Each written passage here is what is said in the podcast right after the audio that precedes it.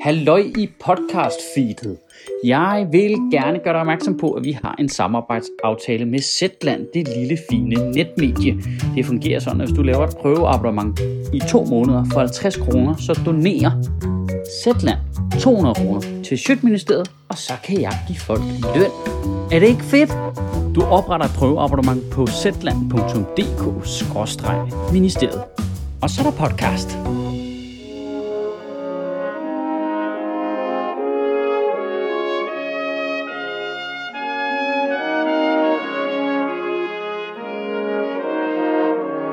Goddag.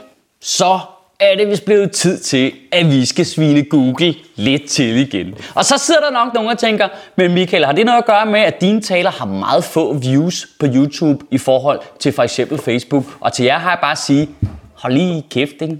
Google udnytter for tiden sin mildst fremtrædende position. Øh, noget vi får at mærke rimelig, rimelig, rimelig direkte i Danmark lige for tiden. Øh, først så fjernede øh, Google øh, DR's Ramachan-app fra Google Play på grund af censur, og efterfølgende så har man fjernet øh, al dansk musik fra YouTube, fordi man har forhandlingsproblemer med Koda.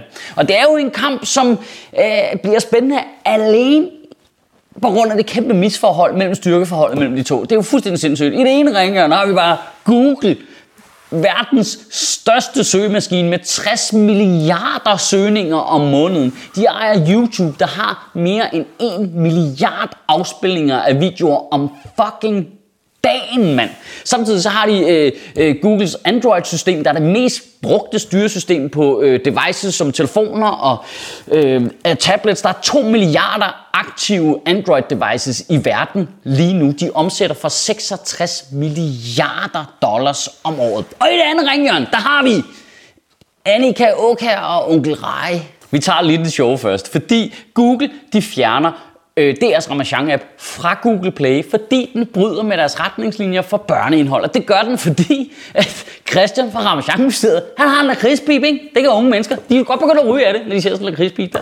Og øh, så fordi øh, onkel Rej, han er onkel Rej primært, tror jeg, for den primære grund. Det er simpelthen den verden, vi bor i, øh, hvor onkel Rej er edgy stuff. Det er vores tids Marco Evaristi. Det er simpelthen så spændende. Men inden vi, inden vi lige bliver sure på Google, så skal vi lige huske, at vi også selv som nation har været sure på onkel Rej. Vi skal bare lige huske det. Vi skal bare lige huske, at der kom seerstorm, shitstorm, ramaskrig, fordi onkel Rej lavede en sang om, at han ikke gad at gå i bad. Så var folk reste og var inde hos det og skrev, hvad fanden foregår der? Det er ikke for børn. Nu kan jeg ikke få min dreng til at gå i bad. Og jeg vil sige det sådan, hvis du deponerer hele din øh, opdragelse af dine børn hos onkel Rej, så er det nok dig, der er problemet på en måde. Men hyggeleriet hos Google er der også i et omfang, så det matcher med deres navn, var. Åh oh, nej, onkel Rej, vi må hellere pille af, end der er nogen, der bliver farvet. Åh, oh, lakridspiber, hvad gør vi? Hvad, hvad Google for et år siden? Hey, prøv at se Rasmus Paludan er hans racistiske lort. Skal vi ikke bare sprede det i et omfang, så han er lige ved at komme i Folketinget? Åh, oh, jo, jo, jo, jo, det er pisse god børneunderholdning, det der. Jeg ved godt, de har lukket ned for Rasmus Paludan nu, men vi skal da lige huske på, hvor fucking tæt på det var, at han kom i Folketinget på grund af det der. Hvordan er det den samme butik? Man, man bliver da bare mistænkelig. Hvordan, altså, hvordan kan deres algoritme være så finfølende, at den bare kan opfange, at der er en fucking krigspip inde i et børneprogram og lukke ned for det, men ikke opdage Stram Kurses videoer, hvor der bare står en voksen, evnesvag mand med Kim Larsen-hat og kalder børn for evnesvage pædofile tabere på en legeplads. Hvordan fuck er det den samme butik? Det er da absurde musikere, komikere og alle mulige andre indholdsleverandører skal kæmpe for at sprede deres ting. De skal da faktisk betale for at få det spredt. De skal som minimum gå 100% på kompromis med, hvad de får i løn for at sprede de ting på deres platform. Mens Rasmus Paludan og Donald Trump og QAnon og alt muligt racistisk, vanvittigt lort, bare, bare fuldstændig bare fri adgang. Det, det kører bare derude. Der er slet ikke noget overhovedet. Ingen barriere. Du kører bare. Hvad? Hvis du stiller dig op med en fucking automatrifle og siger, at jorden er flad, og The Clintons er pædofile androider, så er det bare Fedt, fedt, fedt. Spred, spred, spred. Ej, det er jo ytringsfrihed. Hvis du tager reffen og bytter den ud med en lakridspip, så det, det skal, vi skal lige kigge på det der et øjeblik. Men øhm, det er jo fordi, at algoritmen er drevet af øh, menneskelig interesse. Ja, det skal vi bare lige huske jo. Det er, hvis der er mange mennesker, der gider at se på noget og klikker på noget og sådan noget, så bliver det jo spredt mere jo. Så det er jo bare på en eller anden uhyggelig måde et kig direkte ind i vores allesammens sjæl. Og derinde, der er vi nogle frygtelige, frygtelige, frygtelige forkrøblede små, forpulede sataner, ikke? Specielt dig, ikke? Ah, det er noget hissigt shit, det der. Altså, hvis folks browserhistorik automatisk bare blev postet på deres LinkedIn-profil, så skulle du kræfte at se de der algoritmer og lave nogle koldbøger, du. Og så til den kedelige musikdel. Øh, fordi Koda, der forhandler på vegne af alle de danske musikere, nåede ikke at få en ny aftale på plads med YouTube omkring rettigheder til danske musikers musik, inden den gamle aftale udløb. Så tilbød YouTube, at man kunne forlænge den gamle aftale, men i den periode vil man så reducere kunstnernes udbetalinger med 70% midlertidigt indtil den nye nordiske aftale var på plads. Det sagde Koda nej tak til, og derfor blev al dansk musik fjernet fra YouTube. What? Fuck? Hvad gør vi så? Hvordan kan vi så høre musik? Det kan jo ikke lade sig gøre. Medmindre vi selvfølgelig betaler for det, som almindelige voksne mennesker jo. Men Nej, nej, det gider vi ikke. Det gider vi ikke. Fordi inde i sjælen, ikke, der er nogle små, frygtelige, frygtelige, frygtelige sataner, ikke? Specielt dig. Ifølge YouTube så nåede man ikke frem til en ny aftale, fordi Koda krævede, at danske musikere skulle betales væsentligt bedre, end de betaler musikere i andre lande. Og det er jo en forhandling det her, og det er vigtigt at forstå, at det er jo det, YouTube siger. Så siger Koda på mystisk vis præcis det modsatte. De siger, at det er i hvert fald ikke rigtigt, men vi ved det ikke, du ved det ikke, jeg ved det ikke, fordi af en eller anden mærkelig grund, jeg ikke kan forklare, så siger Koda ikke, hvad det er, de gerne vil have til musikerne. De laver en lønforhandling, hvor de ikke siger, hvad det er, de gerne vil have i løn. Jeg kan ikke google mig til det nogen steder. Jeg kigger på Kodas side.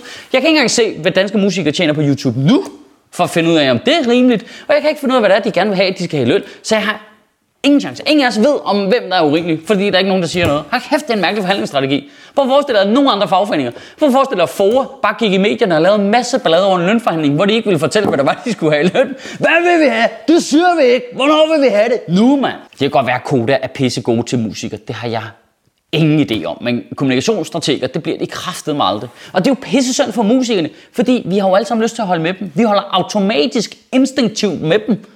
Men, men nu siger jeg lige noget, og det kan godt være, at vi bliver uvenner nu, ikke? Men altså, det er som om, at de der store tech-giganter og de problemer, de skaber på en eller anden måde, udstiller alle vores egne fejl. En undersøgelse fra januar 2020 viser, at 69 procent af danskerne streamer deres musik på YouTube. Det gør det til den største streamingtjeneste for musik i landet. Det siger altså lidt om, hvor meget skråstreg lidt vi går op i musik. Nå, hvordan foretrækker du din musik? Nå, men jeg foretrækker den bare i super dårlig både billede- og lydkvalitet.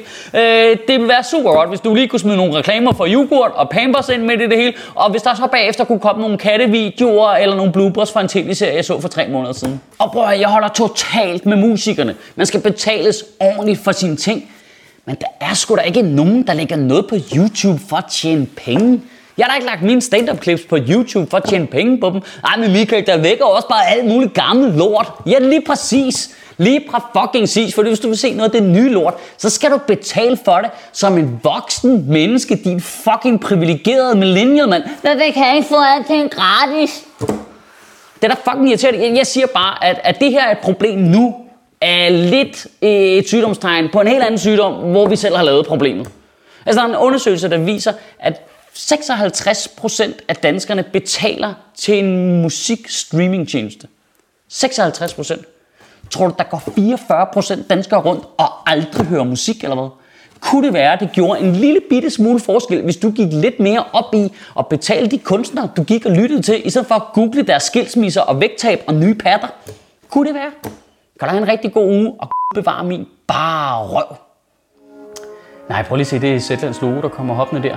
Øh, Det fungerer faktisk sådan, at hvis du har lyst til at oprette et prøveabonnement, så kan du få et i to måneder for 50 kroner. Det er faktisk billigt. Og hver gang en af jer gør det, så donerer Zetland til Sjøtministeriet. Du kan gøre det inde på zetland.dk-ministeriet.